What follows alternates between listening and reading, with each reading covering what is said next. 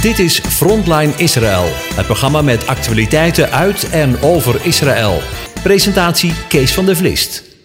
Hartelijk welkom, beste luisteraars, bij het programma Frontline Israël. We maken dit programma samen met Karen en Jair Strijker. Israël is meer dan ooit in het nieuws. Oorlogsdreiging, de roep om de Palestijnse staat, de strijd om het hartland van Israël, Juda en Samaria. Maar te weinig horen we het nieuws uit de eerste hand. In het programma Frontline Israël brengen we daar verandering in. Elke week zenden we op vrijdag een rechtstreeks gesprek uit met Karen en Jair Strijker van Studiehuis Rashid. Zij maakten een aantal jaren geleden Aliyah naar Israël. Op deze manier zijn wij en de luisteraars in staat om eerlijke informatie uit de eerste hand rechtstreeks uit het beloofde land te vernemen. De vorm van het programma is informeel, alsof we bij elkaar aan de keukentafel zitten en de dingen van de dag doornemen. Hartelijk welkom uh, Karen en Jair in uh, Na'aleh, Israël. Wel, Shalom, weer. hallo. Shalom, Goeiedag. Ja, het is uh, een poosje geleden dat we elkaar gesproken hebben. Um, Ja. Ja. Hoe is het ermee? Ja, ja. Nou, eh, we zijn er nog steeds. Ja, ik hoor het. En eh, ja, het is, we hebben het eh, inderdaad ja, heel druk met van allerlei dingen Ja, die op ons afkomen. Het is allemaal Ja. prima, gaat allemaal goed. En, eh, eh, ja, we hebben natuurlijk nog steeds een lockdown. Zo'n beetje 95% van alle winkels van Israël zijn nog steeds dicht. ja misschien En, kunnen we daar even... nog een heleboel beperkingen. Maar ja, wij we hebben onze draaide inmiddels al gewoon een beetje in gevonden. Ik heb nog niet het idee dat wij, wat lijden wij nou heel erg of zo, weet je wel? Nee, nee, want de, eh, de periode van eh, de strenge lockdown, is die achter de rug? Ja. ja, ik mocht ook alweer mijn zus bezoeken. Dat was heel leuk. Vorige week vrijdag dat ik mijn, mijn familie weer even mocht bezoeken na Ja. eh, anderhalve maand langer. Dus dat, dat was wel heel fijn. En, Ja. Ja. En je mag ook weer naar de kapper toe? Nee, nog niet. Oh, Nee, we struikelen Nou, het is maar goed dat we geen beeldvideo hebben. Want je zou schrikken van wie is dat nou? oké. Kan ik bijna vlechtjes maken. Stelletje, Ja, ja. stelletje winnen. Maar mogelijk gaat dat veranderen vanaf volgende week. Oké, ja, ja, ja. Nou, dat is in ieder geval een goede ontwikkeling dan. En, en de scholen, hoe is het daarmee? Eh, Ja. Nou, Oh. ja, ik, ik hoor wisselende geluiden. Onze zoon die zit in een, in een klas met eh, laag aantal leerlingen. Dus die Mhm. moet elke dag naar school. Baalt hij natuurlijk wel van. Want zijn, gro- ja, want zijn grotere zus, die, eh, die blijft de hele dag thuis. Maar goed, die zit de hele dag van kwart over acht tot half vier soms aan de, aan, aan de Zoom-computer. Dan komt even naar beneden voor wat te drinken. Ja, En dat, dat is echt helemaal niet leuk. nee, nee. En, En, je, weet, eh, je weet wel zeker, eh, eh, ja, eer dat ze met huiswerk en dergelijke bezig is? Of, eh, Ja. Ja, ja, oké. ja, Ruud is ja, Ruud is wel Ja, serieus. Oké. Heel gedisciplineerd. Oké. Zeer serieus Ja. meisje. ja, van wie heeft ze dat? Niet van mij. Nou, jawel, jawel. We zijn allebei, we zijn allebei wel serieus. Ik was ook altijd, ik deed altijd mijn werk. Ik zat Ik niet te spijbelen. Alleen, ja, ik haalde geen negens en tienen. En mijn, mijn, wel. mijn vader wel. Dus heeft het meer van mijn vader, denk ik. Maar zij gaat echt voor negen, negens en tienen, weet je wel. Nou, Ah, ja. voor negens. Ja, Ja, ja. dus dat, dat is. eh, maar Ja. dat is niet makkelijk voor haar. En, maar vandaag las ik een bericht eh, in- op de- in de krant dat mogelijk vanaf volgende week Mhm. ook de hogere klassen, zij, zit- zij zit zeg maar in klas 11, en dan. eh, dat die dan drie dagen naar school gaan. En dan ook weer in capsules. Dat wil zeggen, dus een kleine groepjes Ja. van eh, 15 leerlingen. Oh ja. En dan, eh, ja, moet maar kijken hoe ze dat gaan, eh, gaan doen. Ja. Maar kan je zeggen dat het eh, niet praktisch was de vorige keer toen ze daarmee begonnen? Want dan moeten ze soms om eh, half elf beginnen. Ja, wie mag daarheen brengen? Ja, wij wonen natuurlijk afgelegen. Hè? Er zijn niet steeds eh, busjes beschikbaar. Nee. Dus Nee. dat, dat, dat was allemaal niet zo praktisch vorige keer. Dus ik ben benieuwd hoe ze dat nu gaan doen. Ja, ja. Nou ja, de, de, de, ehm, de besmettingsgraad of ehm, ja, de positief getesten nemen behoorlijk af, hebben jullie de laatste Ja. tijd? Ja, zodra je maar een lockdown hebt, nu is het weer afwachten. Nu het Ja. weer normaler wordt. Ja, eh, of het Karen. weer zo snel gaat stijgen. Dat is Ja. de vraag. Het Ja. was een maand geleden, zo een beetje op wat Holland nu heeft, rond de 9000. Ja, Nederland heeft dacht ik 10.000 minimaal wel. Mhm. Maar in Israël was dat dus eh 9000 en dat is nu zo rond de 400, 500. Ja. Ja. Dus dat is wel een groot verschil. Nou zeg. Eh, Ja. Wat ook opvalt is eh, dat het vooral bij de Arabische steden heel erg hoog is. Mhm. En die, die blijven ook maar eh, ja, feesten organiseren, huwelijken organiseren. En dat weten we ook van de ultra-orthodoxe. Daar was dus de besmetting erg hoog en dat is nu gedaald. Dat is nu ook echt, daar hebben we wel wat van geleerd, denk ik. Ja. Eh, maar bij de Arabische bevolking is dat dus nog niet goed doorgedrongen. Nee. Dus ja, daar zitten ook nog altijd rode steden tussen. Oh. Eh, en dat roept natuurlijk ook weer irritatie op. Van ja, waarom worden wij afgesloten en de rest niet? En dan eh, ja, we worden niet als vol aangezien. Dus je krijgt allemaal weer Oh ja. Ja, Ja. scheve ogen. Maar Ja, ja. ik hoop dat ze gewoon oh, ja, dit, dit ook gewoon oppakken. Maar Mhm. het is wat Karen ook net zei. Wat, wat dan? Hè? Mensen praten al over Hanukkah. Dat we dan eh, weer een derde lockdown krijgen. Oeh. Eh, Ik bedoel, houd dit op. Want de economie is natuurlijk erg eh, beschadigd. Enorm. En dat virus gaat niet zomaar weg. Nee, nee, nee. Nou ja, laten we hopen en bidden dat, eh, dat het eh, een poosje weg blijft nu. Nee? Eh, Nou, helemaal ook- graag. Ja, Ja. nou ja, goed. ja, Het, is, Ja. eh, het is inderdaad gewoon een. eh, kijk, jullie in Nederland hebben dan nog die discussies over die mondkapjes, of ze dan Ja. wel of niet effectief zijn. Nou, hier Ja. ja.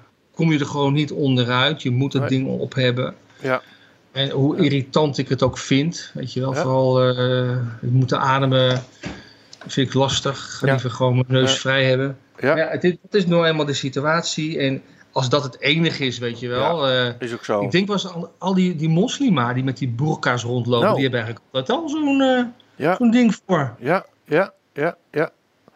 Die Ja. moet je ook niet klagen. Die mogen niet klagen. ja. Eh, ja, dan gaan we nu eventjes over naar een, keer, naar een ander onderwerp. De moord op Rabin. Dat is 25 jaar geleden nu, dacht ik, hè?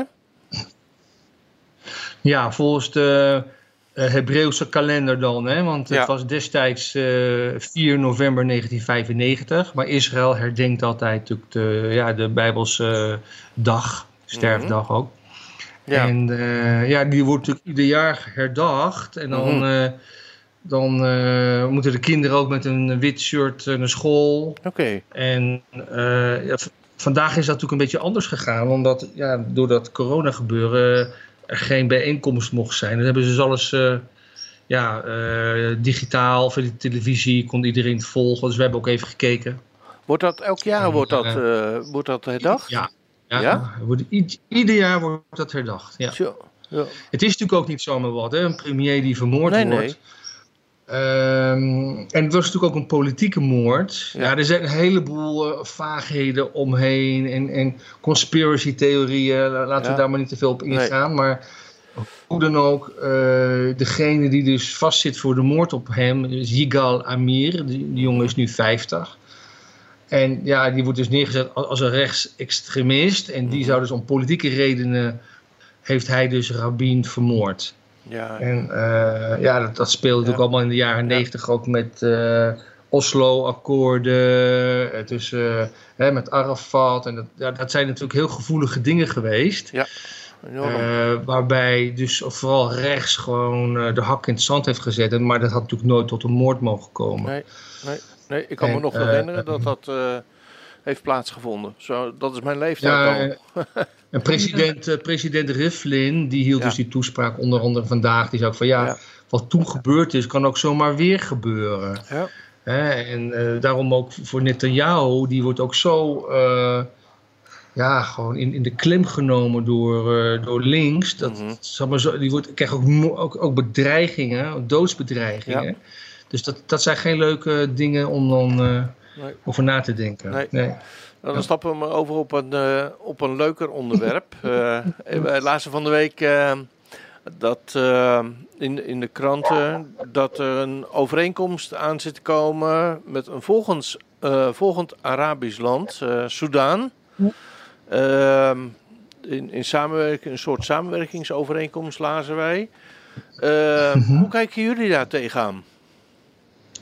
Nou ja, kijk, hoe meer uh, rust Israël krijgt, hoe beter natuurlijk. Mm En dan hoeft ze zich niet zo te concentreren op, uh, op beveiliging en bewapening. Want een enorm groot gedeelte van, van uh, ja, het inkomen gaat allemaal naar beveiliging. En als, als dat allemaal minder hoeft, als er minder dreiging is, dat zou alleen maar mooi zijn.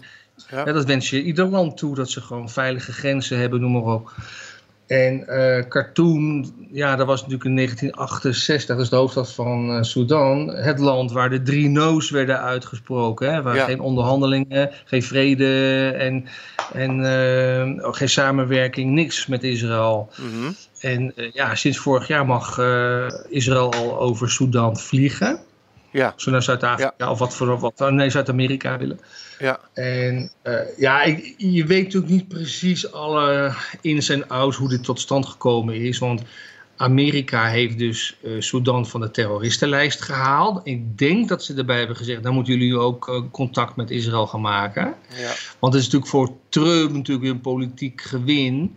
Ja, als hij kan zeggen, kijk, ik heb ook nog een, een derde land erbij betrokken die dus... Ja met Israël in zee gaat. Ja, ja, en dat kan hij op dit moment ook wel gebruiken, hè?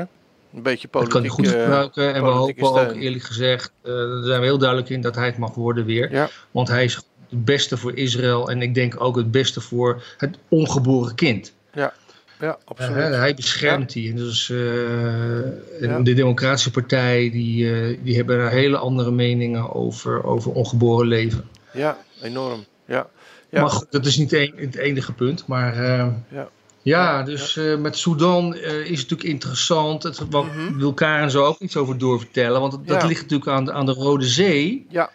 En het ligt dus boven Ethiopië. Nou, dat is natuurlijk een interessant verhaal. Ja, vertel eens. Wat, is er, wat is daar zo interessant aan dan? Nou, er is heel veel interessants als je eens gaat kijken naar het Ethiopische volk. We zien het hier overigens rondlopen in het land. En ik weet niet uh, hoe jij daarover denkt of jullie mm daarover denken, maar mm -hmm. ik mhm. vind zelf de Ethiopiërs in het algemeen de mooiste mensen van de wereld. En mm. natuurlijk, er zijn vast wel lelijke bij. maar, uh, ja. maar ik vraag me soms af, zijn die mensen wel geboren of zijn ze gewoon gebeeldhouwd? Die ja. prachtige gezichten, die ja. hoge jukbeenderen, die hele fijne trekken, de smalle neuzen. En wat een mooi volk en wat een bescheiden volk ook. Ja, enorm en, hè? Uh, ja, wij zagen de film uh, op Netflix, Red Sea Resort. Ja. En uh, daardoor werd mijn belangstelling gewekt. Het was een ontzettend mooie film, mm. die overigens best wel ook hele negatieve kritieken krijgt omdat het erg is veramerikaniseerd. Maar dat maakte wel dat we er een beetje verder in gingen kijken van hoe zit het eigenlijk met die Ethiopiërs? Mm-hmm. En dan kom je eigenlijk prachtige geschiedenis terecht. Want um, ze zijn dus echt ook bestempeld als Joden. Ze leven als Joden. En het zijn ja. natuurlijk niet alle Ethiopiërs, maar de Ethiopische Joden. Die werden door de rabbijnen op een gegeven moment, ik dacht in de jaren tachtig, ook echt als Joden gezien. En die worden in Joden, in, in Joden wou ik zeggen, in Ethiopië dan ook wel Beta Israël genoemd, oftewel Huis van Israël. Ah. En een andere naam voor hen is de Falasha's. En dat ah, ja. kennen we allemaal ja. wel, die naam. Ja. En Falasha, dat betekent emigrant. Ah. En ze zouden met Melinek, de zoon van Salomo en de koningin van Sheba, zijn meegetrokken terug naar Kush, hè, tegenwoordige Ethiopië. Overigens zijn daar de meningen helemaal verdeeld over hoor. Er zijn ook andere uh, theorieën hoe zij daar komen en waarom ze dus niet, uh, ja, waarom ze daar zijn, zeg maar. Ja. Uh, het is een volk van pottenbakkers, architecten, boeren, maar ook goudsmeden. En mhm. als we dus mogen geloven dat ze met Melinek uh, mee zijn getrokken, dan woonden ze dus al 3000 jaar in Ethiopië. Ja. En het mooie is dat zij hun Joodse wetten houden, ook al kennen ze helemaal geen Hebreeuws. Ja. En um, vanaf 1934 zijn de Ethiopiërs in Israël aangekomen. Ja. Sommigen kwamen zelf op een toeristenvisum en die bleven dan als illegaal werken in Israël. En ze dromen allemaal om naar Israël te gaan. Dat is een deel van hun uh, geloof. Nou, anderen werden gered door Israël. En dan kom je eigenlijk op een aantal reddingsoperaties uit mhm. vanuit Israël. om de Ethiopiërs uit dat land te redden, wat door de burgeroorlog eigenlijk helemaal verscheurd was. En dan hebben we bijvoorbeeld operatie Mozes, hè, operatie Mosje, operatie Jozua, operatie Salomo. Dat zijn allemaal operaties mm -hmm. zo vanaf de jaren 70 tot ja. in de jaren 90 wel, in ieder geval jaren 80. En waar ik eigenlijk een beetje op wil, ja, uh, um, de, de aandacht op wil geven, is de Operation Brothers, operatie Broeders. Mm -hmm. Want uh, dat is eigenlijk de aanzet geweest tot het Red Sea Diving Resort. Uh, in Ethiopië was een aantal activisten bezig om te proberen om de Falasha's naar Israël te krijgen. Ja. Dat was heel dapper. Hè. In zo'n film worden ze dan eigenlijk als een stelletje hurkende mensen gezien.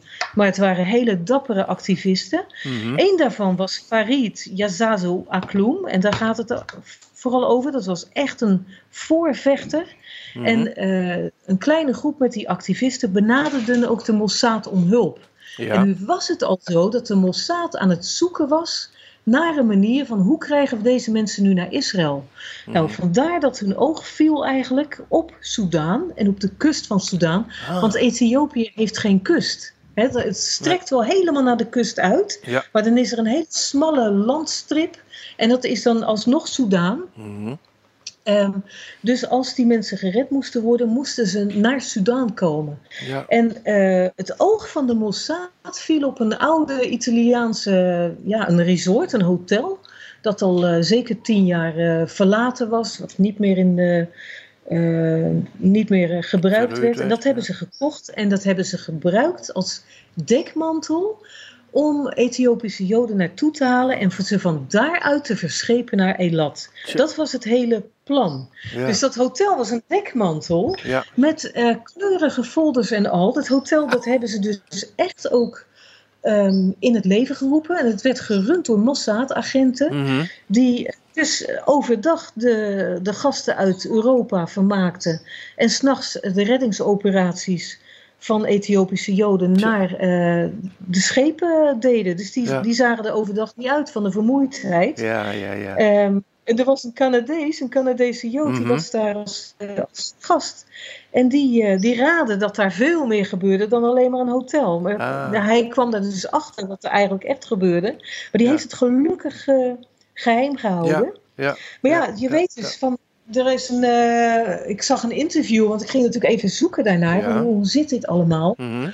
En er is dus een, uh, een van die vluchtelingen, Daniel Sahalo.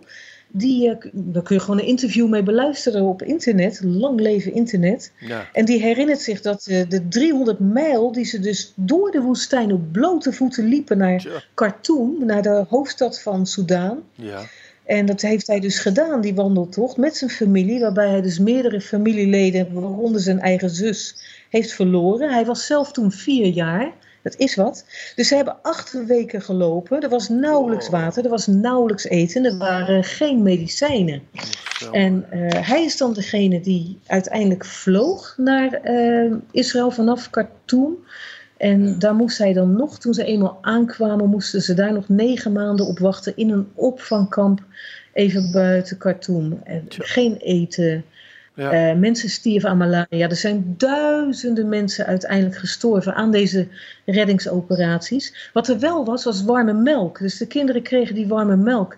En het is een van de weinige dingen waarvan hij echt niet meer het kan uitstaan als hij dat ruikt. Want het doet hem Ja? te veel denken aan alle ontberingen. Ja, ja. Maar goed. In totaal, als we kijken naar de jaren 90, dan zijn er zo'n 90.000 Ethiopiërs uh, in Israël aangekomen. Ja, wat En ongelooflijk. Dan En- krijgen we natuurlijk ook weer moeilijkheden. Want die Ethiopiërs zijn heel sterk van geloof. Wel, het verhaal gaat nog veel verder, maar dat voert nu te ver. Uh, Mhm. maar die moesten erg wennen, omdat zij dachten, ja, Israël is het heilige land. ja, En toen kwamen ze erachter dat er in Israël ook mensen wonen die helemaal niet in God geloven.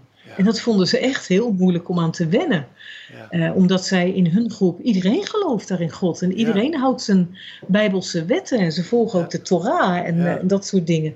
En ook wat er in Israël echt anders was dan bij de Falasha's, is dat de nadruk zo ligt op de jongeren. Want die zijn de toekomst. En Israël is ook een jonge staat. Ja. Uh, terwijl het Ethiopische, ja, daar is het echt de ouderen, die krijgen het echt de eer en het respect. En dat was erg wennen. Ja, ja. Nou ja, wat, hoe, hoe heden ten dagen... Mm Ja, wat wou je zeggen? Nee, nee, ga maar even. Oké, okay. heden ten dagen is er het plan van Bibi uh, Netanyahu om nog duizend falashas naar Israël te halen. Uh, ook wat betreft uh, zeg maar de herdenking van de Aliyah en dergelijke. Mm -hmm. uh, ik moet zeggen, de meesten komen goed mee in de Israëlische maatschappij. Okay. Uh, het leuke is, deze groep heeft onder meer dus als vakgebied uh, goudsmederij. En er is dan ook een school geopend, speciaal voor hen om te leren goud te smeden en sieraden te maken. Dus niet alleen dus voor de jongeren, maar ook voor de alleenstaande moeders en dergelijke. Ja. Die kunnen allemaal leren om sieraden te maken. Ja. En uh, dat is een prachtig initiatief. Ja. Um, ja, noem worden, wat Ethiopiërs. Ja. Uh, bijvoorbeeld uh, Eden. Eden is een meisje dat het ja. Songfestival ah, ja. uh, zou gaan doen. Helaas door de corona is dat anders geworden. Ja. Die minister van Immigratie in Israël is Ethiopiër. Ja. En laatst, en dat is iets minder leuk, daar ben ik erg knorrig over, kreeg ik een verkeersboete van een Ethiopische politieagent. Ja, maar dat had waarschijnlijk ook, had je waarschijnlijk ook knorrig geweest. Ja, maar, ja. Dus niet gewoon die auto af. Ja, ja, ja, die man die had gewoon in Ethiopië moeten blijven. Vind je niet? Uh, nee, dat dacht ik bijna, maar ik denk ja, nee, nee. Ik, vind het, ik, ben, ik, ben, ik was toen al bezig met dit verhaal, dus ik ja. vergaf hem. Nee, oh, wie, een, wie een boete verdient, krijgt een boete. Maar wat eh, betreft het, het lied wat we graag wilden laten horen, dat is mm -hmm. het, eigenlijk het eindlied. Het, uh, de film op, van de film uh, Red Sea Diving Resort. Okay. Ik was er kapot toen ik het voor het eerst hoorde. Zo ja. mooi. Ja. Ik geloof niet dat ik ooit ja. zo'n lied heb gehoord. En um, het is dus een lied dat is gemaakt door Idan Raigel. Mm -hmm. uh, het Idan Raigel project. Hij uh, werkt met allerlei, uh, ja, met Ethiopiërs onder meer. En daar mm -hmm. maakt hij muziek mee. En hij heeft dit lied geschreven samen met een Ethiopiër die dan ook in het Amharisch zingt. Amharisch, het heet dat? Vanuit de Diepte in het Amharisch. Amharisch is de taal van de Ethiopiërs. Ah. Um, maar ik ben er niet helemaal uitgekomen of het nu Amharisch is of uh, Ge'ez, zeg maar. Want dat is echt de taal van de Ethiopische Joden. Dus G-E-E-Z. Um, in ieder geval, het Hebreeuws, het is ongelooflijk poëtisch geschreven. Je kunt het bijna niet vertalen.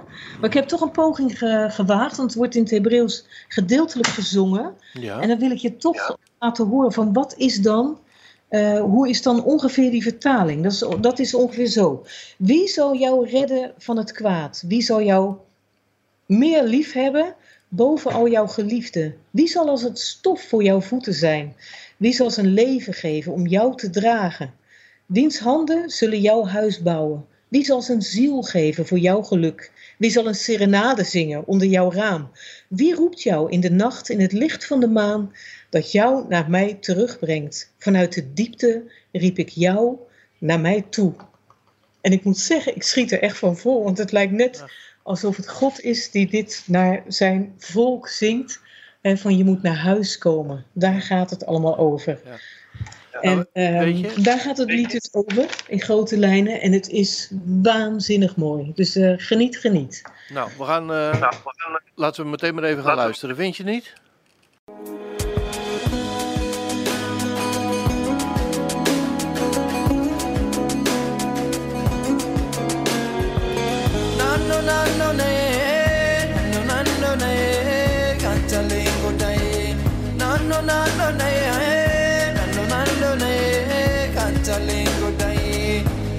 እስፈልገ እሴቁ የለን በንላት ሸባል ልጅ የምታምር ሰው ናትን እሷም ልጅ እኔም ልጅ ተጋቡ ይሉናል። የተሰቀለውን ማን ያወርድልናል? ናኖ ናሎ ነይ ናኖ ናሎ ነይ ካንቻለኝ ጉዳይ ናኖ ናሎ ነይ ናኖ ናሎ ነይ ካንቻለኝ ጉዳይ ሚማማ የላ שלו, שוב האור בעיניי, לא גמור, לא עוזב המגע בידייך, שיבוא ויעיר למשמע כל צחוקך. נו נו נו נו נו נו נו נו נו קנצה לגודי נו נו נו נו נו נו נו נו נו קנצה לגודי ממעמקים קראתי אלייך, בואי אליי מול ירח מאיר דרכך שוב אליי נפרסו ונמסו מול מגע של ידייך. באוזנייך לוחש שואל מי זה קורא לך הלילה? הקשיבי שר בקול אלייך אל חלומך. מי שם נפשו שתהיי מאושרת. מי ישים יד ויבנה את ביתך? מי ייתן חייו מי כעפר לרגלייך יחיה מי אוהבך עוד מכל אוהבייך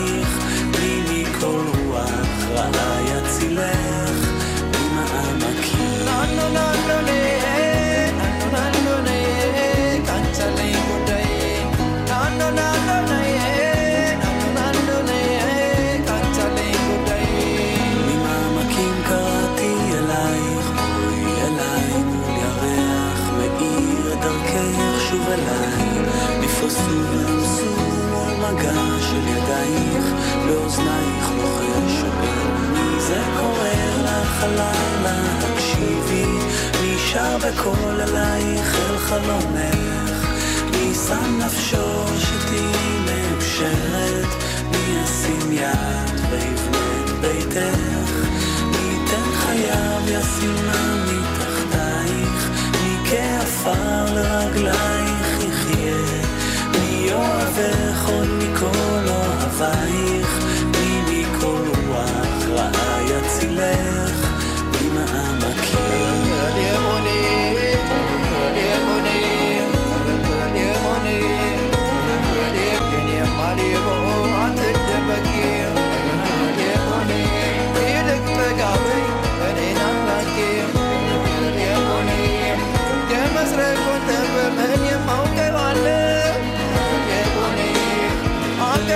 小声。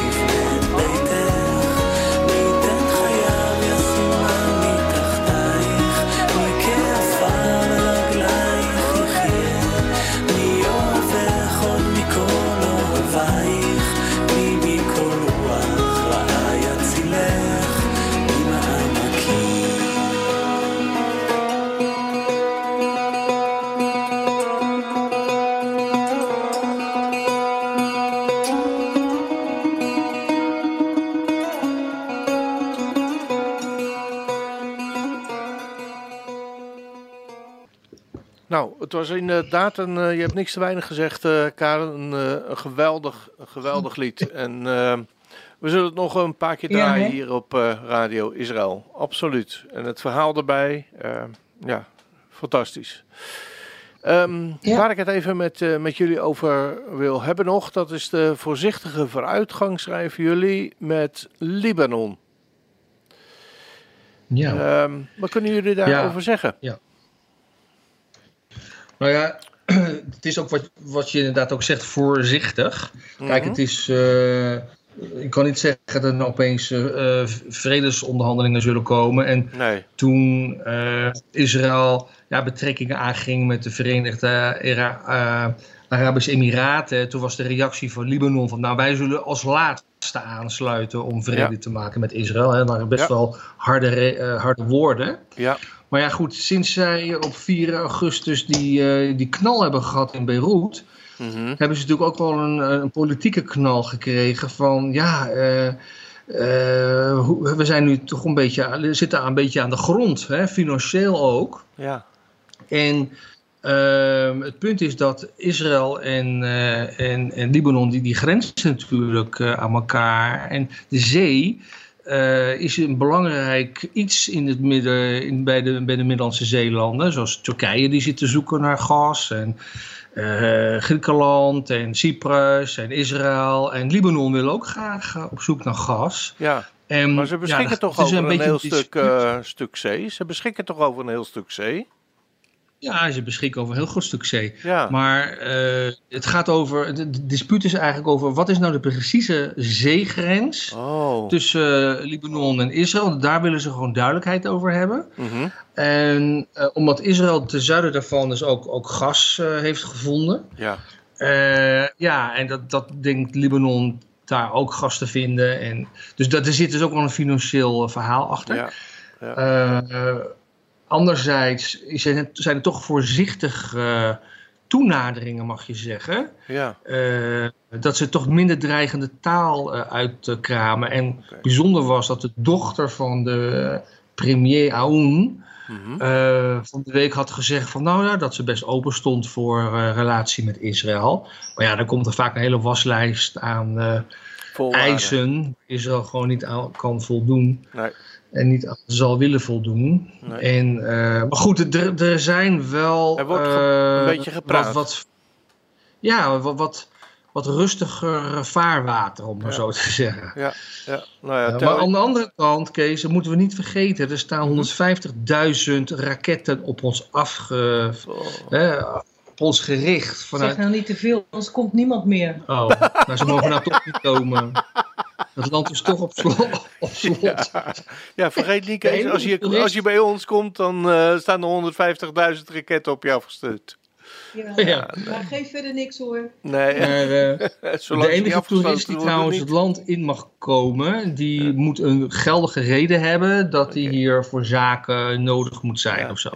dus dat, dat, die toeristen mogen erin komen. Ja, verder ja, inderdaad geen, toerisme. Nee, nee. Maar goed, dus, dus wij zouden kunnen komen. Er, zijn wel voorzichtige uh, verbeteringen, maar nogmaals, die dreiging uh, vanuit het noorden is enorm. Ook de dreiging vanuit waar wij wonen blijven gewoon geklier. Ja. En, en, en uh, ook in het zuiden met Hamas. Uh, ja, ook weer die tunnel van vorige week, weet je wel, die ze ontdekt hadden. Ja. die, die stuiten dan op die ondergrondse muur, dus dan konden ze niet verder. Maar dat was een verse tunnel. Dus ze zijn gewoon constant bezig met graven. Ja, ja, ja. ongelooflijk hè. Dat ze, dat ze op die manier iets proberen uh, voor elkaar te krijgen. Terwijl ze eigenlijk wel weten dat het allemaal enorm goed in de gaten gehouden wordt wat ze aan het doen zijn. Ja, en wat voor geldverspilling. Als ze dat nou besteden aan hun bevolking. Maar dit is zo krom. Ja. Zo krom. Ja. Ze zijn lieve zielen. ja, ja, ja. je, zei in het dus, tussen, je zei in het tussenzin net uh, uh, ja, hier. Van dat als je, als je voor zaken komt, dat je dan Israël wel in kunt. Ja. Hey, is een kans voor jou, Kees. Ja, een kans voor jou, Kees. Ja, ja. ja ik, ik zag een deurtje open gaan onze contacten zijn uh, destijds begonnen eh, om samen iets eh, op het gebied van Israël reizen te gaan doen. Ja, dat is dus- waar. Dus, nou ja. Dat is waar. Alleen, alleen het punt is, die, de gasten die gaan komen, die hebben dan niet direct een zakelijke reden. Nee, nee. Maar, maar ik ben vast ja, je hebt wel iets moois, dat zeg je ja. Ja, maar ik... ik las erover, dan moeten wij dus een hele brief schrijven waarom die persoon zo belangrijk is. Ja, nou dat... wat het financiële voordeel zal zijn. Wij gaan wel wat opschrijven. ja, ja. En mag ik dan mijn vrouw en kleinzoon meenemen ook nog? Uiteraard, want die, die kunnen niet zonder jou, nee, is duidelijk. Nee, nee, nee. Nou ja, ik zou de brief me vast gaan schrijven. ja. Maar goed, er zijn dus voorzichtige openingen. En Israël hoopt uh, dat ze dus een groen land mogen worden.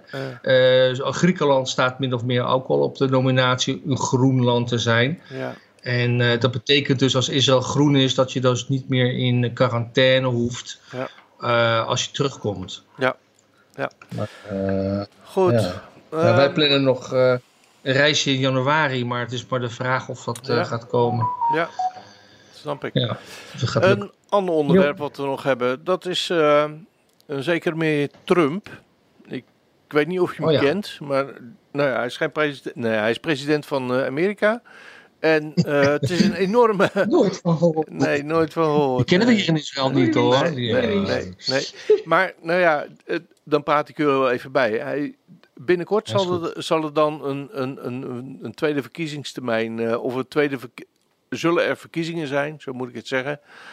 En uh, ja, mogelijk wordt hij dan opnieuw uh, gekozen als president van, uh, van Amerika.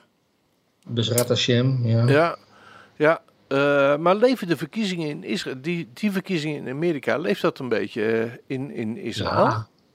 Ja? ja, dat leeft hier, dat ja, dat leeft hier zeker. We lezen er dagelijks over.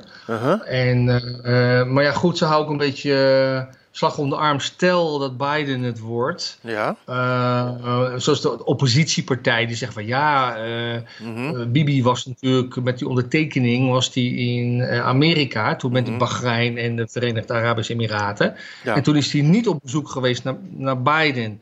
Hij dan op afgeschoten hier als hij terugkomt. Maar goed, Biden was in zijn eigen huis een paar, paar uur vliegen er vandaan. Dan denk ik, ja, Biden had ook halverwege kunnen komen of weet ik veel wat. Ja. Uh, Israël hoopt op Trump. Waarom? Omdat Trump Jeruzalem heeft erkend als de hoofdstad van de Joodse staat. Mhm. Hij heeft de Golan erkend als Joods officieel gebied al sinds Jozua praat over 3400 jaar geleden al dat Jozua uh, de Golan tot Israël betrok ja. aan Israël toevoegde. Die heeft hij erkend. Hij heeft ook de gebieden waar wij wonen in Naarleg als legaal erkend. Nou, dus ja, ongekend wat hij heeft gedaan eigenlijk. Het kan, kan, er van alles nog mis zijn aan hem, maar daar hebben we het niet even over. We hebben het over hoe hij politiek met Israël omgaat. Ook, nou ja, hij, hij, ik, ik ben overtuigd dat hij ook in God gelooft. En dat hij zegt, de bos. Dat, was van, dat, mm. dat is een YouTube filmpje wat rondzingt nu. Van, uh, hè, het gaat over de bos en dan wijst hij naar boven. Mm. Uh, um, ja. Ja, hij, uh, kijk, Israël die hoopt op Trump. Maar de Amerikaanse Joden, ja. 75% van de Amerikaanse Joden kiest op de Democratische Partij. Oh ja? dat, is, dat is eigenlijk gewoon uh, traditioneel zo. En waarom zouden ze dat, dat doen? zoveel goeds gedaan heeft voor Israël, blijven ze gewoon voor Biden kiezen. Ja, waar, dat is waar, waarom, onbegrijpelijk. Waar, ja. Stijfnekkig volk. Nee, ja, die heeft niks wel. met stijfnekkig te maken. Dat zijn gewoon linkse mensen. Ja. Dat is gewoon net zoals hier de... Maar zijn toch goed voor links, Israël? De, de, ja, ze, ze willen niet op, die, op, op republikeinen. Dat vinden ze dan ja, te conservatief of te christelijk. En ja, dat, dat, dat is niet hun ding. Ze willen gewoon democratie, ze willen vrijheden. Tel Aviv-achtig. Ja. Een beetje wat je hier ook tegenkomt. Ja. Maar de orthodoxe joden in Amerika, die kiezen wel voor Trump. Ja. Ingewikkeld. deze man die heeft een, een zoon, eh, een schoonzoon die orthodox Joods is. Hij heeft gezorgd voor het eerst in, in de geschiedenis van Amerika dat er een koosjere keuken is in het White House. Mm -hmm. Nou ja, ook als dat allemaal zo heel belangrijk is, is het natuurlijk tweede. Maar ja, de orthodoxe Joden die vinden dat natuurlijk wel heel bijzonder. Ja. Ja. En hij heeft Joodse kleinkinderen. Dus ja, ja um, en, en Biden is niet een vriend van Israël. Nee, niet die heeft uh, dat nooit getoond. Die heeft uh, toch wel nare dingen over Israël gezegd. En, en, en ook, uh, ja, hij wil ook die deal met Iran terugdraaien. En Iran is onze aardsvijand op dit moment. Dat ja. kan natuurlijk allemaal veranderen. Ja, Ja, maar, ja. maar dat is op dit moment dus niet zo. En ja, Trump die, die doet toch wel wat hij zegt, vind ik. En, in ieder geval hier in Israël wordt er veel over gepraat. En ja. We houden ons hart vast als hij als die af moet treden. Want wat gebeurt er dan? Ja. Dan gaat er veel veranderen. Ja. Dat, dat denk ik. Nou, laten we hopen dat hij dan, uh, dat hij dan herkozen wordt. Hè? Met al zijn uh, gedoe. Ja, natuurlijk zit er van alles aan vast. Ja, klopt. Goed, um, dan eventjes naar twee vaste onderwerpen die wij in deze uitzending hebben. Ehm, dat zijn de activiteiten van Studiehuis Rashid. Uh, wat staat voor de komende uh, periode op de, op de rol? En hoe gaat het ja, een nou, beetje? we, we, hebben natuurlijk wekelijks uh, vanuit Sommeron schrijven we nog altijd. Ja. En daar uh, actualiseren we ook steeds wat, ja, dus de agenda bladzijde 3. Mm -hmm. misschien is het sowieso handig ook voor de, voor de lezers als ze nog niet, of de luisteraars, ze nog niet van vanuit Sommeron gehoord hebben. Mm -hmm dat ze dat eens uh, kijken. Hoe kunnen ze, uh, hoe kunnen ze dat bekijken? Week, uh, Psalm 103 kunnen lezen. Sorry? hoe kunnen ze dat bekijken? Oh. als zij naar uh, info studiehuisreshit, R-E-S-H-I-E-T.nl mailen, mm -hmm. dan kunnen we ze gewoon, gewoon vrijblijvend een keer een nummertje toesturen. Oh ja. Ja, maar de, ehm, de, de, Vorige de week nieuwsbrief bedoel je toch? 103 gegeven. Ja. Sorry? Um, nou, eh, waar ik even naartoe wilde was uh, dat je eventjes uh, aangaf dat we de mensen die de nieuwsbrief graag willen ontvangen van uh, Studiehuis ja. die komen elke week uit. Met actualiteit nieuws, actualitair nieuws ehm, en ehm, de parasha. Ja. Dat mensen dan eventjes een mailtje kunnen sturen naar info Radio Israël, wilde ik zeggen.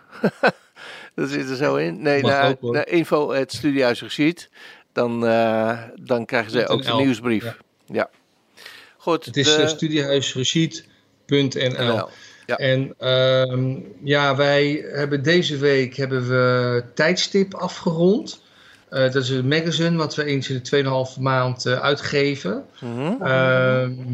we hebben de eerstkomende webinar zal gaan over Psalm 6 is toch wel een, een, psalm ja, die je misschien niet dagelijks leest. Je denkt van wauw, wat vind ik dat nou bemoedigend. Maar in de Joodse traditie wordt hij zelfs twee keer per dag gelezen. Het is een boetepsalm. Twee keer per maar dag? hij is mooi. Vanuit het Hebreeuws zie je een prachtige diamantjes uh, opkleuren als je hem vanuit de grondtekst meeneemt. Uh, en dat is, denk even kijken hoor, 12. Uh, ja, donderdag overige week is dat volgens mij 12 november van half acht tot half negen uh, doen we dan Psalm 6. Ik ben, uh, hij zit in de stijgers, ik moet er nog wel het een en ander van doen. Uh, een paar dagen later hebben we een webinar, dus dat is op de 16e november, mm -hmm. over Hebreeuws leren. Waarom zou ik? Is ook echt een aanrader van mensen die zeggen, nou ik wil echt wel eens wat meer weten van deze taal van de Bijbel. Mm -hmm. De taal die God sprak. Uh, gewoon even basis, wat, wat, wat Hebreeuwse woorden, pas in letters. En, ja, natuurlijk proberen we mensen enthousiast te maken om, om ja. een cursus Bijbels Hebreeuws te volgen. De, de ALEF-cursus, heel toegankelijk ja. voor iedereen. Uh, we geven de Gimel-cursus op dit moment. Dat is de vervolg van de, de ALEF-cursus. In drie uh, is meer de spraakkant, iets ja. meer grammaticaal. Mm En uh, ja, dat is een beetje wat uh, de komende uh, week gebeurt. En in december, dus volgende maand, is er ook weer een ALEF-cursus die we via internet geven. En in januari is er een ALEF-cursus die we doen via internet vanuit Tessel. Niet dat ik naar Tessel ga, maar dat is okay. het centrum is Tessel. Ja. De Thessalonicense. De Thessalonicense ah, van. Tessel. Ah, dat is een nieuw boek. Ja. Ja. ja, precies. Ja, ja, nou, er staat weer van alles op stapel. Uh, als mensen ja. denken van, nou, ik heb het allemaal niet uh, mee kunnen schrijven of zo, stuur even een, uh, ja, we kunnen het wel een aantal keren herhalen. Even een mailtje naar info.studiehuisreceipt.nl en dan worden ook die data's nog even herhaald, kun je even opvragen. En vraag dan meteen de gratis nieuwsbrief aan, zou ik maar zeggen. Helemaal goed. Ja. Ehm, ook als mensen de, de magazine willen hebben, ook even naar het uh, zojuist genoemde e-mailadres. Uh, dat is niet gratis. De webinars wel, de cursussen weer niet. Gratis. En um, nou, het, uh, nou, neem in ieder geval even contact op uh, met Karen en Jair. Um, dan de, het laatste onderwerp wat ik even met jullie wil bespreken. Dat is de wekelijkse parasha. Welke staat er op de ja. agenda? Ja, het is parasha Lechlega, ga gij. En uh, dat gaat natuurlijk over Abraham, onze geloofsvader, geloofsheld. Ja, zo noemen En die moet uittrekken, ja, uittrekken uit Ur. En uittrekken is een typisch Bijbelse opdracht. De geschiedenis van het volk Israël kenmerkt zich door tenminste drie verschillende uittochten. Hè, want mhm. behalve de oproep aan Abraham om zijn geboortestreek. Streek. Het gaat goed met mij. om zijn geboortestreek uit te trekken. Ja, het is ook niet te zeggen hoor, maar goed. Uh, naar het land der belofte kennen we natuurlijk ook de uittocht uit het slavenhuis Egypte. En de oproep van Kores aan de ballingen van Juda om vanuit Babylon ook weer terug te keren naar het land Israël. Mm Nou, zojuist hebben we ook natuurlijk ge, uh, gesproken over het uh, Ethiopische verhaal. In feite, er is vandaag de dag een vierde oproep van God zelf aan de Joden verspreid over de hele wereld. Kom terug naar huis. Ik zet mijn banier in het midden van Israël en ik roep jullie terug. Nou, en dan ga in het Hebreeuws, want mhm. daar gaat dit over, parasha leg, lega. Leg is ga. Um, en leg schrijf je eigenlijk met de letter lamet voorop. En de lamet uh, elke letter in het Hebreeuws betekent iets. En de mhm. lamet, die betekent prikstok. Hmm. En um, die is dan ook om Abraham als het ware uit zijn comfortzone te prikken, samen met zijn leef Lot en hun gezicht, gezinnen, om weggeprikt te worden richting het land Canaan. Hmm. En daar moet Abraham heen en hij krijgt vooraf een geweldige belofte van God mee. Zijn nazaten zullen worden tot een goy gadol oftewel een groot volk. Wie hem zegent, die zal gezegend worden. En wie hem vloekt, die zal vervloekt worden. Dat is heel wat. Ja.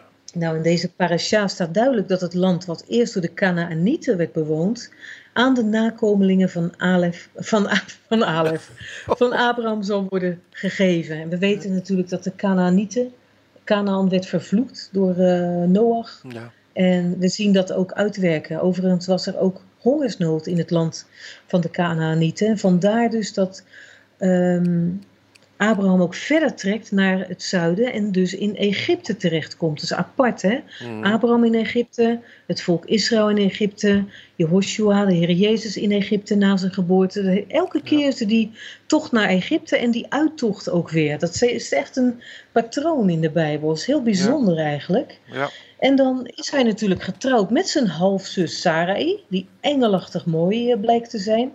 En dan zegt hij natuurlijk, zeg dat je mijn zus bent, zodat ze mij niet doden om jou. Dat doet ze, het is geen leugen, maar een halve waarheid. En eigenlijk is dat nog echt veel erger. Maar goed, Farao neemt haar op in zijn harem en geeft Abraham omwille van haar een grote hoeveelheid vee en ezels, kamelen, knechten, dienstmeisjes. En dan komt de farao er door Gods plagen achter dat Sarai wel degelijk getrouwd is met haar halfbroer. En laat hij haar gauw vrij, geschrokken en al. En dan, ja, dan moet je eigenlijk eens kijken naar weer zo'n patroon. Is het dan niet wonderlijk dat Abraham met zijn grote rijkdom uit Egypte komt? Want die Egypte, of die rijkdom, heeft hij in Egypte opgedaan. En het volk Israël, wat honderden jaren later, minimaal 400 jaar later, ook uittrekt uit de slavernij, komt ook met grote rijkdom, met goud en zilver, wat ze allemaal hadden moeten vragen en dergelijke. Dat is toch wel heel bijzonder, vind ik. Nou ja, en dan um, Abraham weer terug naar het noorden. Hij bevrijdt zijn neef Lot na een oorlog. Dan lezen we ook over Malchit Zedek.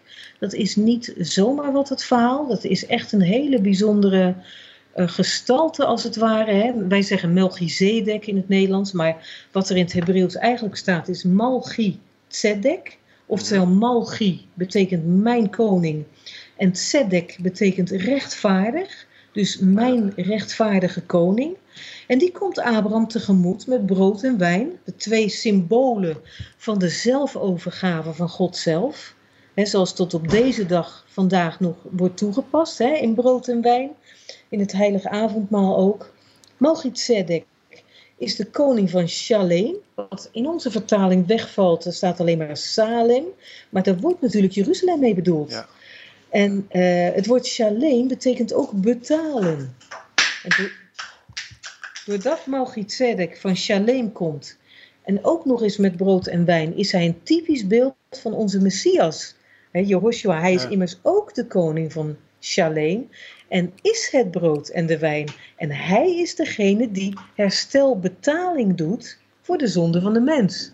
Dus daarmee is Malchizedek in feite als een, ja, een beeld van onze Messias. Dat is toch prachtig, hè? Geweldig. En dan de geschiedenis van Sodom en Amora, hè, Sodom en Gomorra zoals wij het uh, vertalen. Die worden beschreven. De mensen waren slecht. Nou ja, Lot zou de enige rechtvaardige persoon zijn. Alhoewel ik echt kromme tenen krijg van zijn verhaal van ja, laat de engelen met rust en neem mijn dochters maar en doe maar wat je met haar wil. Ja. Oei, ik vind dat niet zo heel rechtvaardig, maar goed. Nee, dat heeft mij ook altijd een ehm, beetje gestoken. Vreselijk, vreselijk. Je moet er niet aan denken. Nee. Ja, en dan natuurlijk zijn vrouw uiteindelijk met de vrucht. En dat is weer een patroon trouwens. Want als je ziet, dat is ook zo leuk, dat Lot, voordat hij wegtrekt met zijn gezin, eet hij matzes. Net zoals ook het volk Israël, als het uit Egypte moet gaan, eten ze ook matzes. En dat is weer zoiets bijzonders. Mm. Dat zijn van die kleine dingen waar je overheen leest. Ik heb het nooit. En uh, het was iemand anders die mij daarop wees. En ik dacht, hé, hey, dat is bijzonder. En uh, ook in grote haast weg natuurlijk. Ze mogen niet omkijken, want als je omkijkt, ik denk dat dat gebeurd is met de vrouw van Lot. Je mhm. kijkt om en je blijft van schrik staan. En dan ben je te laat om weg te komen. Ja. Ik denk dat ze daarom in een zoutpilaar is veranderd. Want waar kwam dat zout vandaan? Uit de hemel. Dus ze liepen niet onderweg op tijd, maar ze werd erdoor bedolven. En dus werd ze een zoutpilaar.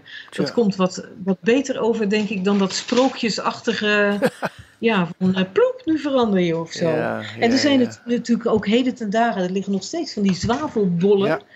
Uh, die verder, zover bekend, nergens anders ter wereld zijn gevonden. Nee, nee, nou, dan Jezaja. God jubelt over zichzelf en zijn volk. Hij en hij alleen zal het volk beschermen. Een mhm. prachtig liefdeslied van de vader naar zijn volk toe. Vol van troost en ontferming. Ontroerend en absoluut waard om steeds weer verder te lezen deze week. Ja. En dan Paulus, die hamert op het geloof dat ons rechtvaardig Net zoals het Abraham rechtvaardigde. En dat is zo belangrijk. Zodra we uit werken gaan leven, geloven we niet meer dat alles van God komt, maar gaan we denken dat we zelf debat zijn ja. aan de goede dingen die ons overkomen. Maar nee, zegt Paulus, het komt neer op geloof en op geloof alleen. Het komt niet aan op de besnijdenis, want Abraham was al gerechtvaardigd voordat hij zich liet besnijden. De beloften van God zijn niet door werken aan Abraham gedaan, of door Abraham gedaan, maar door de rechtvaardigheid van zijn geloof. En dat en niet anders. Shabbat shalom iedereen. Amen. Ja, en, een goede, en een goede week. Shavua tof daarna. Shavua tof daarna. Goed, nou heel hartelijk bedankt voor uh, jullie bijdrage weer. Um, ik vind het altijd fijn om uh, met jullie te, te, spreken over de dingen die, uh, ja, die jullie bezighouden. Wat er bij jullie gebeurt, maar ook ja, jullie activiteiten. Ik wil jullie echt ja, um, God zegen toewensen. Ook in de komende week. Bij alles wat jullie uh, mogen doen en wat jullie meemaken. Hè? Samen met jullie kinderen. Hartelijk dank. En jullie ja, ook jullie Ook Blijf gezond en uh, word gezond. En uh, God zegen ook daar. Ja, nou, tot de volgende keer. Hopen. Tot de volgende keer hopen we. Hashem zeggen we. Tot zover Frontline Israël. Het programma met actualiteiten uit en over Israël.